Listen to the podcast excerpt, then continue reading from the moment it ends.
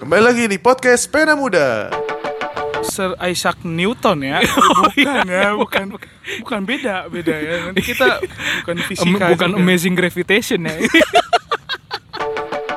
badai. Seperti itu menjadi media untuk yang Tuhan pakai untuk menyadarkan John Newton. Grace itu membuat surprise. Hmm. grace dari Allah Allah menyelamatkan kita itu membuat kita surprise. Kenapa kita surprise Bahwa kasih karunia itu sangat membuat kita surprise, terkejut, terheran-heran. Kok bisa gitu? Kok bisa penebus itu lahir di palungan? Dalam menyanyikan lagu ini sudahkah kita merasakan hal itu kan? Sudahkah kita memposisikan diri kita sebagai orang yang hancur?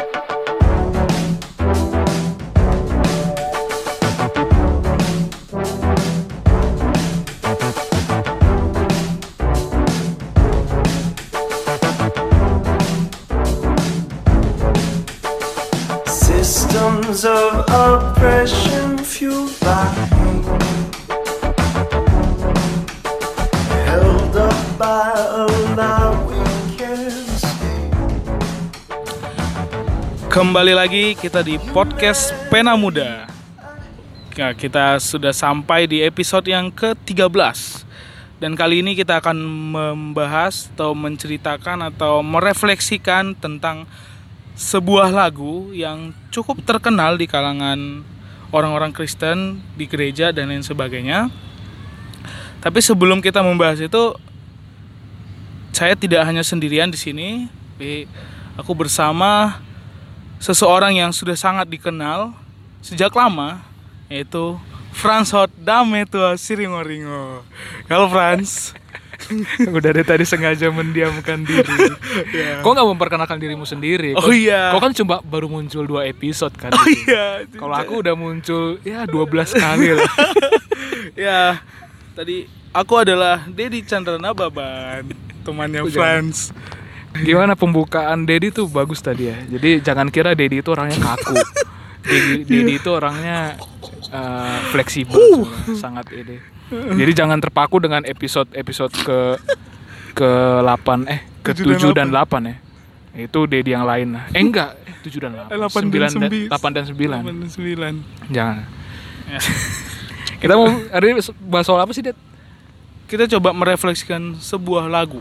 Kenapa lagu ini lagu lagu rohani kan berarti kan lagu. Iya, ya. Rohani yang cukup dikenal juga sih untuk kalangan orang Kristen. Tapi sebelum itu sebenarnya kenapa lagu ini mesti direfleksikan? Memang memangnya sesuatu hal yang karena aku jarang sih me- mendengar di gereja-gereja itu merefleksikan lagu dan bagaimana. Emang ya lagu kan ya udah buat ibadah aja.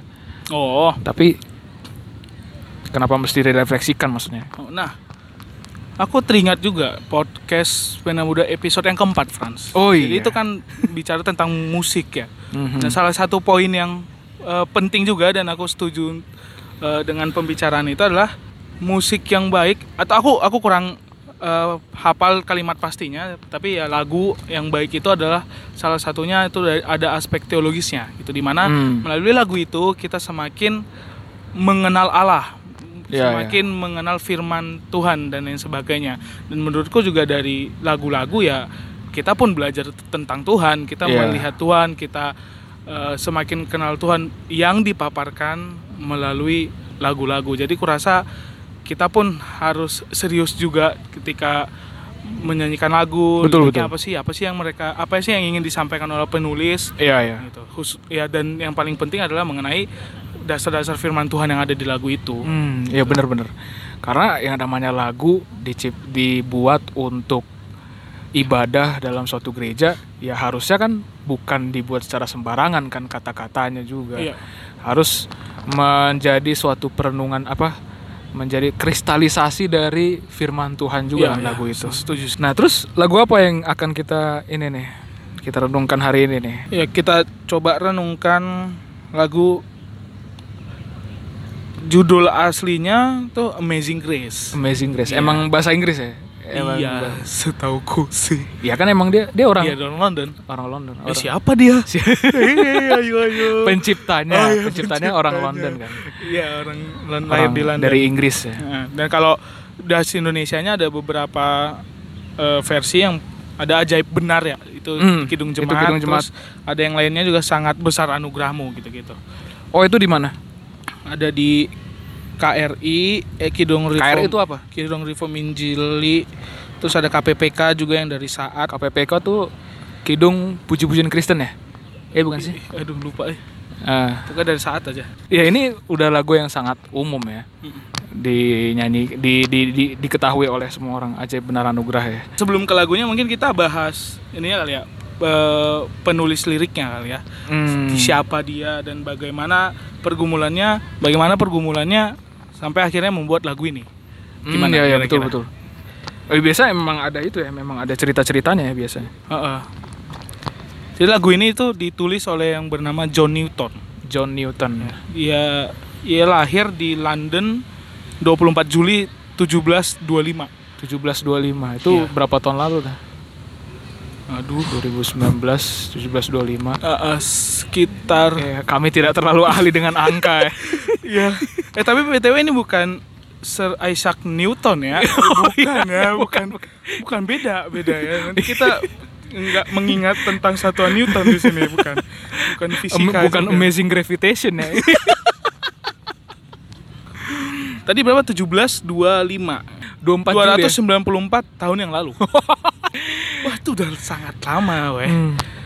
hampir 300 tahun mungkin enam tahun lagi kita merayakan kali ya 300 tahunnya dia 6 tahun ntar 24 Juli ya.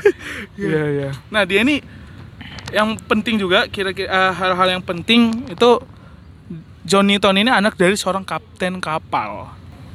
Nah sampai akhirnya eh, John Newton tumbuh, akhirnya dia pun menjadi kapten atas kapalnya dan Dan dia, dia dari dari umur 11 tahun kan Iya. udah udah kerja di kapal ya. ya ada ada artikel yang waktu kita coba searching itu dia bilang 11 tahun udah mulai ikut dalam aktivitas laut lah. Hmm, ya ya. seperti itu. Jadi memang sudah sangat sudah sejak dini dia ikut di dalam aktivitas kelautan ini.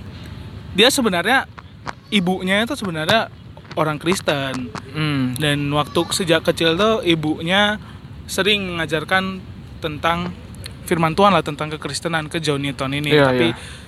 yang dari beberapa artikel yang kita baca itu John Newton Nah. tidak mempedulikan lah pengajaran-pengajaran ibunya ini. Ah iya iya.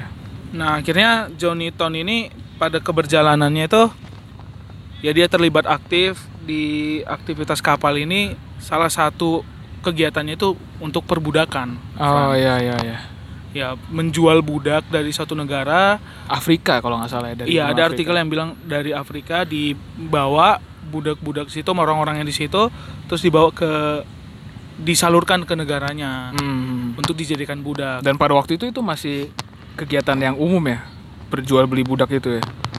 Iya tapi John John Newton sendiri menganggap itu bukan hal yang baik. Pada akhirnya kan. Ya, pada akhirnya dia me- me- menilai itu bukan hal yang baik dan Mhm. itu salah satu bentuk dosanya dia. Nah, selain dia juga terlibat dalam perbudakan ini, ada artikel juga yang bilang dia itu aktif dalam perjudian. Dan dia sendiri, aku juga pernah baca dia sendiri, ya orang yang suka cakap kotor, cakap, cakap kasar gitu.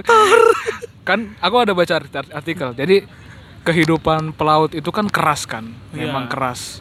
Nah tapi di antara hidup kerasnya pelaut itu bahkan John Newton tuh termasuk orang yang sangat keras dibandingkan dengan pelaut-pelaut yang lain katanya gitu sih. Jadi ya kehidupannya yang gelap, kelam gitulah. Ya dia juga mabuk-mabukan. Mhm. Jadi cukup eh, Sebenarnya cukup kelam ya sejarah ya, masa lalunya. kelam. Tapi yang menariknya itu di tahun 1748. Hmm, berarti itu dia lahir 1725 ya? Ya 1725 1748 ini kita nggak usah pakai kalkulator Harusnya lebih mudah Dibandingkan yang tadi 23 tahun. Ya di umurnya yang 23 tahun Berarti kira-kira dia itu udah Ikut berlayar itu sekitar 10 tahun belasan tahun kan ya Sejak dia umur 11 tahun tadi Hmm, ikut iya, dalam betul, betul. pelayaran Hmm. Harusnya Dan ya kemungkinan besar dia udah ikut dalam berbagai trip lah Mhm. dalam perkapalannya itu. Iya ya. Tapi menariknya di 1748 itu diceritakan kapal yang dia naiki itu diterpa badai Hmm. yang sangat besar. Mhm. Ada yang bilang ada sampai empat minggu, Pokoknya nggak nggak nggak cuma satu hari lah gitu. Iya, Jadi iya. cuk badainya itu menerjang kapalnya itu cukup lama. Mhm. Dan yang yang paling menarik adalah pada momen itu Johnny Town ini merasa tidak berdaya dan Hmm. dia merasa bahwa dia akan mati saat itu. Dia Hmm, tidak ada harapan untuk selamat dari badai ini. Dan akhirnya di situ melalui momen itu akhirnya dia teringat ke berbagai pengajaran yang pernah disampaikan mamanya itu. Ya, ya, itu aku- Iya ya, ibunya. ya aku pernah dengar itu tuh. Nah, akhirnya dia teringat akan pengajaran ibunya yang sudah berbelas-belas tahun yang lalu. Hmm ya ya. Nah, di situ singkat cerita dia bertobat dan dan akhirnya dia berdoa kepada Tuhan memohon belas kasihan daripada Tuhan. Mhm. Dan di situ dia mengalami pertobatan dan kembali mengingat Tuhan. Ya Namun- singkat cerita ya badainya berlalu ya. Karena badainya nggak berlanjut ya. Pasti berlalu. Badainya nggak berlanjut ya. Dan dia selamat. Dan akhirnya dia bertobat ya. Itu titik pertobatannya bisa dibilang ya. Iya, ya, di di momen itulah momen dia akhirnya kembali melihat Tuhan dan percaya kepada Tuhan. Hmm.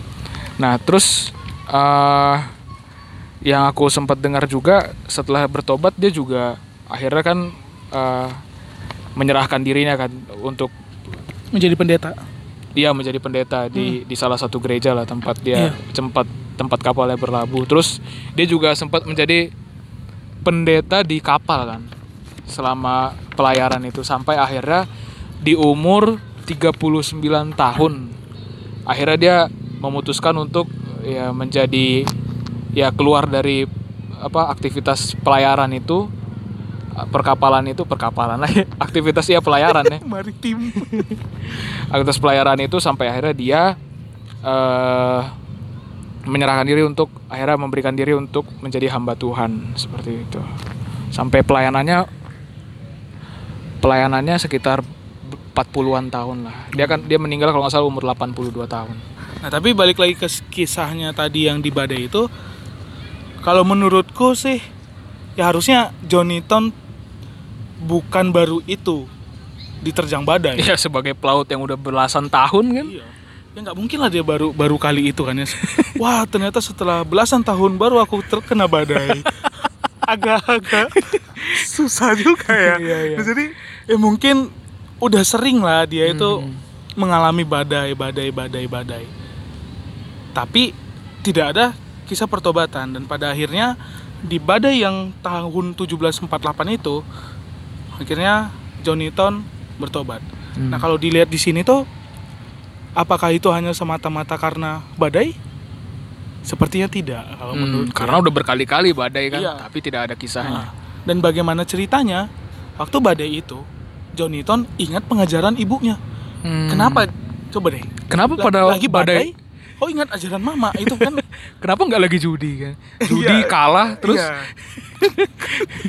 Iya itu loh. Nah jadi responnya atau apa yang diingat Johnny Ton itu responnya atau apa yang diingat Johnny Ton itu pengajaran ibunya itu. Hmm. Nah kalau bagiku sendiri melihat kisahnya ini ya Allah bekerja Allah Roh Kudus bekerja untuk menyadarkan Johnny Town akan dosa-dosanya, akan kehidupan yang kelam dan menyadarkan dia untuk kembali kepada Tuhan. Hmm. Jadi badai seperti itu menjadi media untuk yang Tuhan pakai untuk menyadarkan Johnny Town. Iya. Jadi nggak nggak cuman karena badai terus karena dia takut terus dia eh, baru Iya. bertobat. Ya, aku pikir sih tidak karena dia harusnya udah sering mendapatkan badai-badai yang Hmm. lain. dan ada waktunya untuk dia bertobat kan.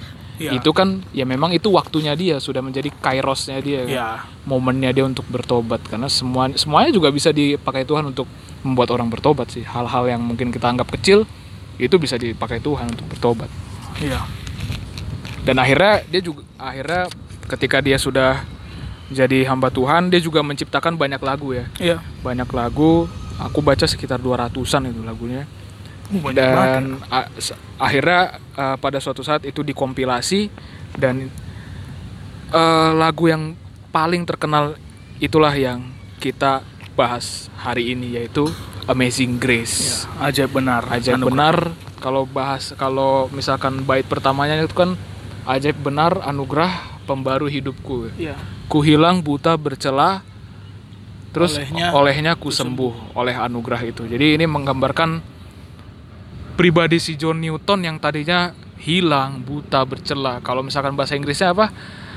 Amazing Grace How sweet the sound that saved a wretch like me. Wretch itu kan uh, apa ya? Artinya tuh sangat tercela lah, sangat tercela Hmm. Orang-orang berantakan, tercela, orang yang hina, tidak layak untuk mendapatkan Belas kasihan. anugerah belas kasihan. Tapi ya itulah amazingnya belas kasihan itu kan. Amazing Grace itu Grace itu amazingnya di sana gitu. Jadi bersyukurlah kalian yang bernama Grace. Tapi nama amazing jarang. Ayo lo. nah, tapi uh, ada yang menarik nih yang coba aku renungkan kemarin-kemarin tuh ya waktu mau ten- merenungkan tentang lagu ini. Hmm? Aku coba lihat definisi amazing ini apa sih? Kenapa amazing ini di digabungkan ke Grace yang membantu untuk menerangkan tentang si Grace ini. Ya, kita tahu Grace si Grace ya tentang Grace. Kita tahu Grace ini adalah kasih karunia dari Allah yang dia berikan kepada kita yang kita tidak layak itu Aha. karena Allah sendiri. Nah, yang menarik kulihat dari judulnya ini kenapa dia memakai kata amazing. Kalau dilihat dari di aku sempat search di Google what is amazing gitu ya, apa arti amazing? salah satu yang menuliskannya itu salah satu definisinya itu adalah causing great surprise. Jadi yang membuat kita surprise, gitu yang membuat kita surprise akan sesuatu. Terkejut ya. Iya, terkejut. Berarti grace ini itu adalah sebuah hal yang membuat kita surprise. Nah, pertanyaannya, kenapa kita surprise? Coba deh, Franz. Kira-kira tuh merasa surprise itu kapan sih? Hmm. Atau untuk momen apa? Seperti apa deh? Wah, aku surprise nih. momen yang tidak terkirakan sih sesuatu yang tadinya aku pikir nggak mungkin. Nggak mungkin ini yang nggak mungkin terjadi tapi akhirnya terjadi. Yaitu di situ aku terje- terkejut sih. Hmm, atau terkejut itu ya kalau aku sebenarnya nggak mengharapkan sesuatu tapi itu terjadi wah aku terkejut. Iya. sesuatu yang nggak terpikirkan. Heeh. Jadi kalau aku mikirnya apa kapan sih aku merasa surprise? Ada hal yang memang tidak pernah aku pikirkan, tidak Hmm. pernah aku prediksikan. Ya pokoknya nggak pernah terbersit sedikit pun lah untuk Iya. terjadi di kehidupanku dan pada akhirnya itu terjadi. Hmm, Gitu. Ya mungkin hal-hal yang biasa kita surprise tuh kayak surprise ulang tahun gitu. ya sebenarnya nggak surprise surprise amat sih. udah dikira-kira Ya. Oh aku ulang tahun tanggal 10 Agustus. orang-orang nggak ada yang ngucapin gitu Iya. kan tiba-tiba kita nungguin. Iya. Terus kita, wah aku Itu mah udah- udah tahu itu. Nah, Tapi oke lah, bapak itu bi- bisa kita anggap contoh lah. Dan di sini menariknya itu grace itu membuat surprise. hmm. Grace dari Allah, Allah menyelamatkan kita itu membuat kita surprise. Kenapa kita surprise? Karena kalau kita lihat di kitab Roma misalkan ya, Roma 3 ayat 11 itu dikatakan tidak ada seorang pun yang mencari Allah. Hmm. Roma 3 ayat 23 Karena semua orang telah berbuat dosa dan kehilangan kemuliaan Allah. Jadi sesungguhnya tidak ada satu orang pun yang mencari Allah. Hmm. Karena semua orang telah jatuh dalam dosa dan dosa ini merusak secara total sehingga kita tidak mungkin mencari Allah. Ya, ya. Kita tidak ada sedikit pun memikirkan tentang Allah Hmm, hmm. tapi Allah yang datang ke kita. Allah yang Hmm. menjemput kita untuk kembali kepada Dia. Allah yang datang untuk menyadarkan kita akan dosa-dosa kita. Iya, iya. Nah, hal inilah yang membuat kita surprise. Hmm, gitu ya iya, kalau iya. melihat judulnya lagu judul lagu tadi, ya kita sesungguhnya sedang tersesat. Ya, kita ya. tersesat, hilang, lost buta kalau kata John Newton kita buta ini kita nggak tahu kalaupun kita berjalan ya kita berjalan di nggak tahu arahnya Iya, ke mana. bergerak sih, cuman kita nggak tahu ke mana. Iya dan karena se- karena kita jatuh dalam dosa, semua orang telah jatuh dalam dosa dan arah hidup kita pada akhirnya menuju maut, dan semakin menjauh Allah. Dan yang membuat surprise itu tadi Allah datang kepada kita. Iya, dan kalau kita lihat itu dinyatakan oleh kematian dan kebangkitan Kristus Iya. Yesus. Yesus datang ke dunia karena kasihnya untuk menggenapkan penebusan yang Iya. sudah direncanakan oleh Allah Bapa Iya, untuk mengembalikan umat-umatnya kembali kepada Allah. Ya masalah Grace ini juga menjadi sesuatu yang sangat menarik. Kenapa dia terus amazing, kenapa dia terus membuat kita surprise Dari awal pun sudah begitu Ketika manusia sudah jatuh dalam dosa Ini aku ucapkan juga di episode ke, ke berapa? 10 atau 11 ya Eh 11 atau 12 Ketika manusia baru jatuh dalam dosa Manusia itu nggak mencari Allah kan Mereka Ya. mencari dedaunan untuk menutupi tubuh mereka Ya, mereka berusaha sendiri dengan kemampuan mereka. Mereka tidak tahu. Nah, sampai akhirnya Allah sendiri yang mencari mereka kan. Di mana di mana kalian di manu- dia mencari di mana manusia. Tapi manusia ini ketika sudah tahu Allah mencari, mereka malah ngumpet. Bersembunyi. Mereka malah sembunyi gitu. Mereka tidak memikirkan Allah sama sekali ketika manusia sudah- jatuh dalam dosa. Dan itu ya dalam hal itulah kasih karunia Allah dinyatakan ketika dia membuat suatu apa ketika dia mem- membeli menyembeli hewan dan mem- membuat kulit untuk pakaian mereka. Dan di situ suatu apa gambaran dari penebusan yang akan datang kan. oh ya, Allah sendiri yang memberikan korban penebusan. Iya. dan juga masih banyak contoh-contoh ketika kita melihat bahwa kasih karunia itu sangat membuat kita surprise terkejut terheran-heran kok bisa gitu kok bisa penebus itu lahir di Palungan Iya. tempat makan apa Ternak. ternak ya kalau bahasa Bataknya pinahan ya iya, salah satu ternak itu. Ter- iya. tapi pinahan pinahan artinya ternak Boy.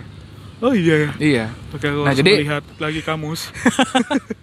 Jadi siapa yang sangka penebus itu yang mungkin mereka harapkan akan menjatuhkan kerajaan Romawi pada waktu itu kan Iya.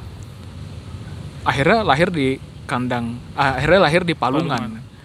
Dan itu yang membuat kita terkejut juga ketika akhir pada akhirnya tidak hanya lahir di Palungan dia pun akhirnya mati disalibkan dan itu yang tidak tidak tidak kita sangka-sangka ya Iya. Yang bagaimana bisa memerdekakan tapi akhirnya dia di, akhirnya dia mati disalibkan. Tapi dia menunjukkan kuasanya Allah membangkitkan di hari yang ketiga. Dan Hmm. itulah yang menjadi gambaran bagaimana manusia juga ya dengan kuasa Allah ditebus. Nah, jadi gimana coba kita bisa menyelamatkan diri kita, kita bisa kedatang ke Allah yang tidak mungkin karena kita udah jatuh dalam dosa. Bagaimana ceritanya manusia bisa datang manusia yang sudah rusak datang ke Allah yang sempurna? Tidak mungkin, Ya. tidak bisa. Yang paling mungkin atau yang paling bisa terjadi itu adalah Allah sendiri yang datang kepada kita. Allah sendiri yang karena dorongan kasihnya menyelamatkan kita. Dan itu di Efesus 2 ayat 8. Sebab karena kasih karunia kamu diselamatkan oleh iman. Itu bukan hasil usahamu, tetapi pemberian Allah. Jadi tidak itu ada bukan hasil pekerjaanmu jangan ada ya, yang memegahkan diri. diri. Nah, ya, jadi kita tidak mungkin sampai kepada Allah dengan Hmm. usaha kita, tidak mungkin sama sekali.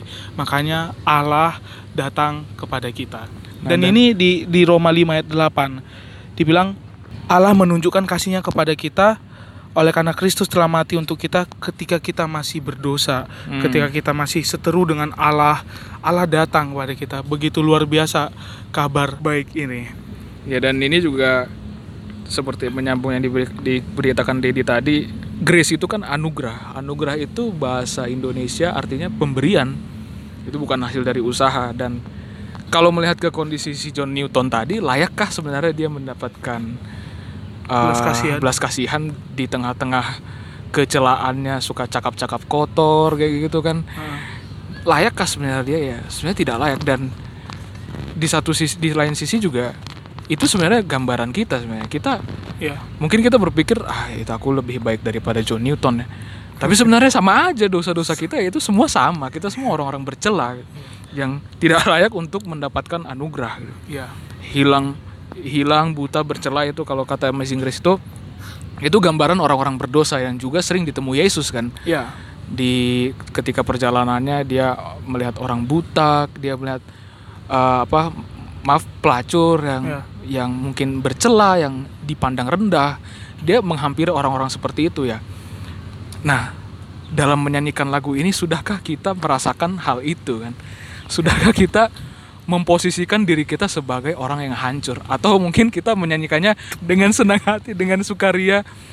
Ya iya, itu itu Amazing Grace hal yang kita syukuri dan ada sukacita kita di sana.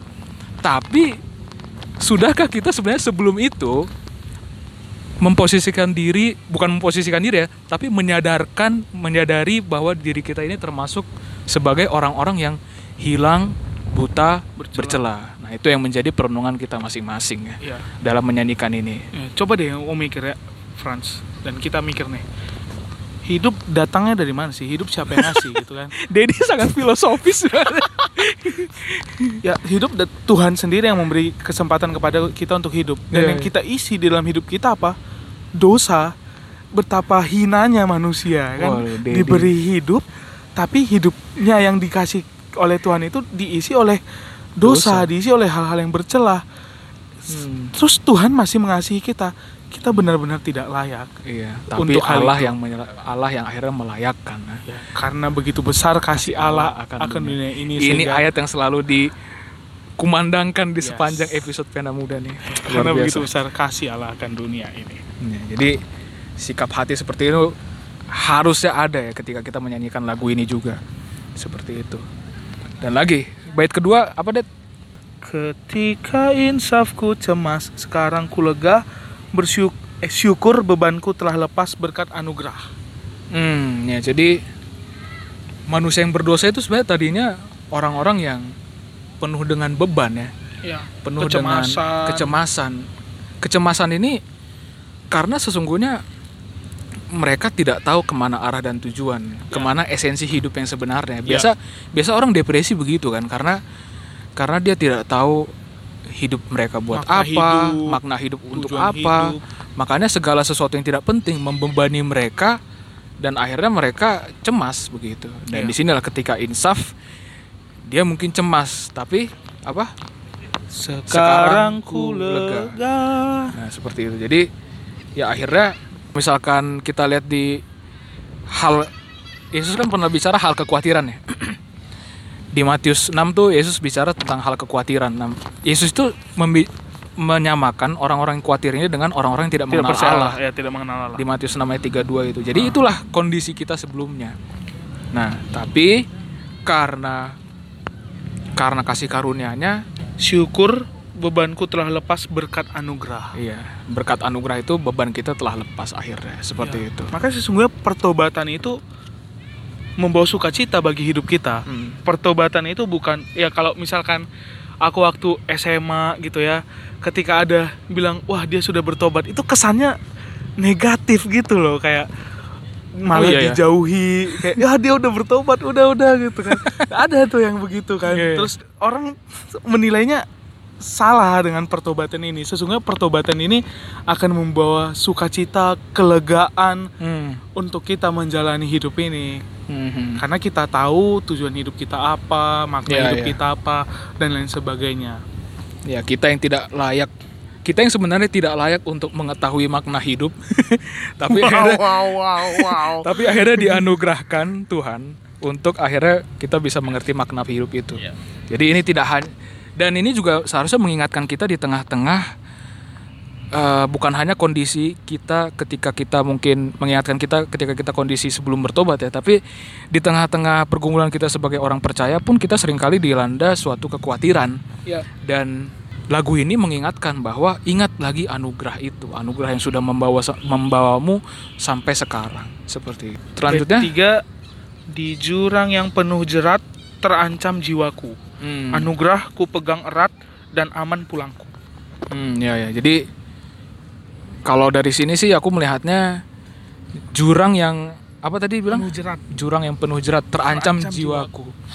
Ya, ini mungkin menggambarkan ya si John Newton yang di tengah-tengah badai itu kan dia bukan orang percaya, di tengah-tengah badai ketika dia mati udah selesai kan Iya. dia nggak akan mendapatkan kehidupan yang pasti kemudian Iya.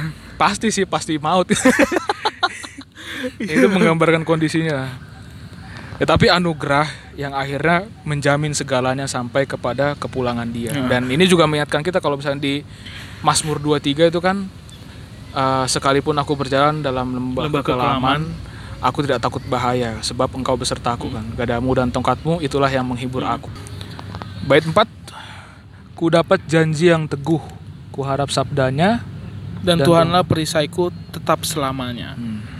Dan mungkin aja ini salah satu yang diingatnya diingat John Newton waktu dia di kapal itu dia mengingat apa yang dibilang mamanya. Mungkin oh iya iya mungkin ibunya ya ibunya lah ya. Mungkin ibunya sering bilang tentang pengharapan akan Hmm. kehidupan pengharapan Iya, iya. di dalam Kristus dan lain sebagainya. Terus di sini dia akhirnya mengingat dan mendapati bahwa ada janji yang teguh dan sabda dari Allah itu dan Hmm. akhirnya dia menyatakan bahwa Tuhanlah perisainya yang tetap selamanya. Iya, iya. Akhirnya dia menyadari bahwa Tuhanlah yang bisa menyelamatkan dia. Hmm. Janji Allah ini juga kadang orang ada yang bilang berharap pada janji Allah, janji Allah, temukan janji Allah banyak di Alkitab.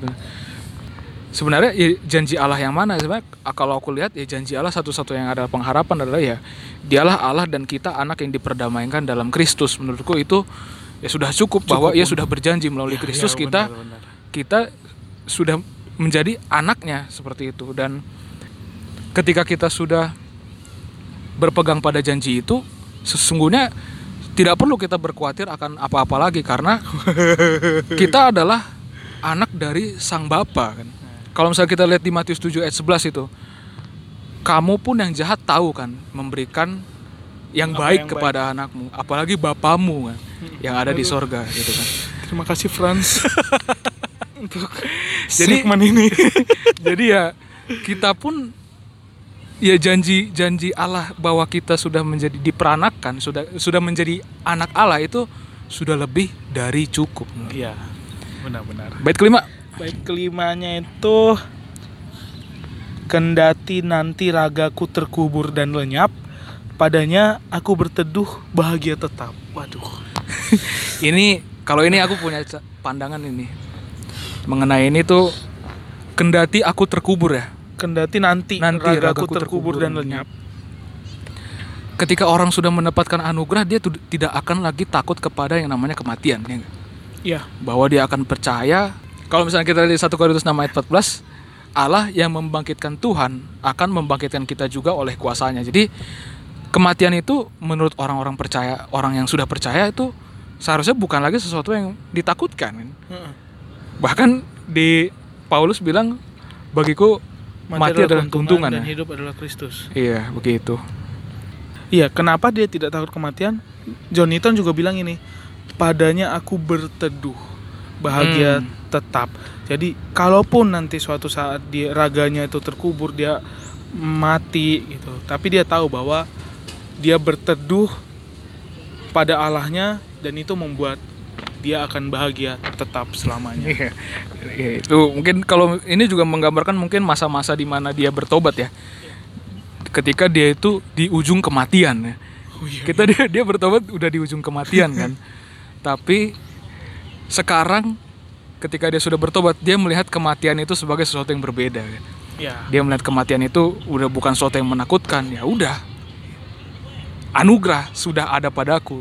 Kematian itu bukan lagi karena aku ber- aku eh, melihat kepada pengharapan yang Tuhan berikan bahwa aku akan dibangkitkan bersama-sama dengan Dia. Yes. Seperti itu. Nah, baik terakhir ya kalau menurut Kidung Jemaat ya.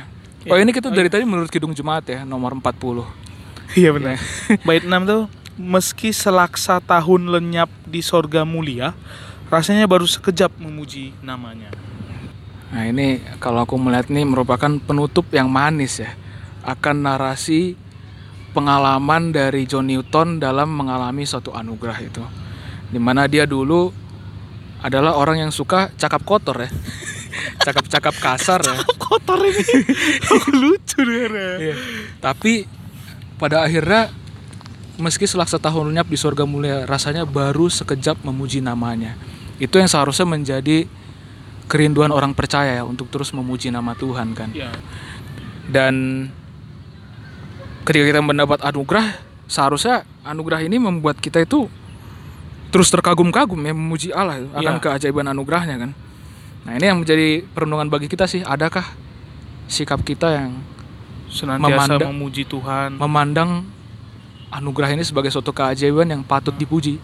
Ya, ya. Ya mungkin kita eh sering kali menganggap hal seperti ini hal-hal yang udah biasa. Ya, hal Karena terlalu biasa, jadinya tidak merasa layak untuk dipuji ya. Kita kita melihatnya Iya, seperti iya. itu. Lagu Amazing Grace ini mengajak mengajak kita untuk kembali merenungkan bahwa dasar Amazing Grace itulah yang grace yang karunia yang sangat-sangat luar biasa. luar biasa inilah yang harus akhirnya menimbulkan suatu pujian-pujian dalam hati kita. Ya itu enam baitnya tadi. Nah, tapi yang mena- yang menarik juga ini ya dari keseluruhan bait-bait yang dibuat John Newton ini ya dia bisa sadar akan hal ini itu ya karena Allah sendiri yang menyingkapkan pada dia atas dosa-dosanya Hmm, sehingga dia ya. menilai bahwa apa yang dia lakukan dulu itu adalah dosa. Hmm, ya ya. Mungkin saja waktu dulu dia mengerjakan perjudian dan lain sebagainya itu dia tidak menganggap itu dosa. Hmm, ya, Setelah Allah menyingkapkan baru dia mengerti itu dosa. ya. Hmm. Dan mungkin saja itu yang terjadi pada kita. Kita Ya, sekarang ini mengerjakan suatu hal, kita mungkin tidak tahu ternyata itu dosa. Kita mungkin nggak tahu dan bahkan mungkin kita sangat menikmati hal itu. Iya. Berbagai macam hal lah ya. Kita merasa baik-baik saja. Iya kita merasa baik-baik saja. Sepertinya tidak ada kejadian-kejadian yang gimana-gimana juga ke Ya. kehidupanku. Tetapi sungguh-sungguhnya kita sedang terus terjerat di dalam dosa Mhm. dan bersyukur sekali kepada Allah kita ya Allah kita yang penuh belas kasihan itu menyadarkan kita akan dosa-dosa kita Dan akhirnya juga si John Newton itu eh, apa? Menjadi ini kan yang apa? Dia menolak perbudakan akhirnya ya. oh iya nah yang menarik lagi tuh kira singkat cerita jadi ada yang bernama William Wilberforce. William ya? Wilberforce dia itu anggota parlemen gitu deh di, di Inggris. Inggris. ya. Nah, terus ada artikel yang bilang itu William Wilberforce ini menjadi anak didiknya Johnny Ton. Hmm, gitu. ya, ya. Kalau bahasa kita adik PA Adik lah gitu PA-nya, ya. iya, iya. Adik KTB. Adik rohani. Yes, ya, seperti seperti itulah. Nah, akhirnya di dalam pergumulannya Johnny Ton dan juga William Wilberforce ini, Hmm. kira Wilberforce memimpin gerakan anti perbudakan Hmm, ya ya ya. gitu dan dia nah ya melalui pergumulannya itu juga dan ya tentunya pimpinan Tuhan ya melalui perjuangan itu Wilberforce pada bulan Agustus tahun 80 1833 Hmm. parlemen Inggris akhirnya menetapkan untuk menghapuskan segala bentuk perbudakan Hmm, ya, dari ya. kerajaan Inggris. Jadi Amazing. terkejut dong. Terheran-heran dong. Nah, jadi eh momen pertobatan kita itu akan semakin memimpin kita kepada ya buah-buah yang lain. Iya iya. Betul dan untuk kasusnya konteksnya untuk John Newton, dia bersama Wilberforce itu akhirnya menghapuskan perbudakan di di Inggris ini. Iya iya. Nah itu sudah sangat banyak yang kita renungkan ya dari satu lagu Amazing Grace ini. Ya pada akhirnya ini semua diharapkan menjadi perenungan kita masing-masing deh teh Iya. dalam bernyanyi dalam menyanyikan lagu Amazing Grace ini. Kita bukan memuliakan lagunya, Bukan. enggak. Tapi yang kita muliakan adalah Tuhan yang digambar Tuhan yang di berusaha untuk dikabarkan melalui Iya. lagu ini dan itulah yang kiranya kabar itu yang yang akhirnya merasuk ke hati kita Iya. sih. Dan salah satunya yang menurutku salah satu fungsi atau peran lagu itu ya lagu itu menjadi media untuk kita semakin melihat Tuhan seperti yang Hmm. bilang di awal tadi kan. Jadi Iya.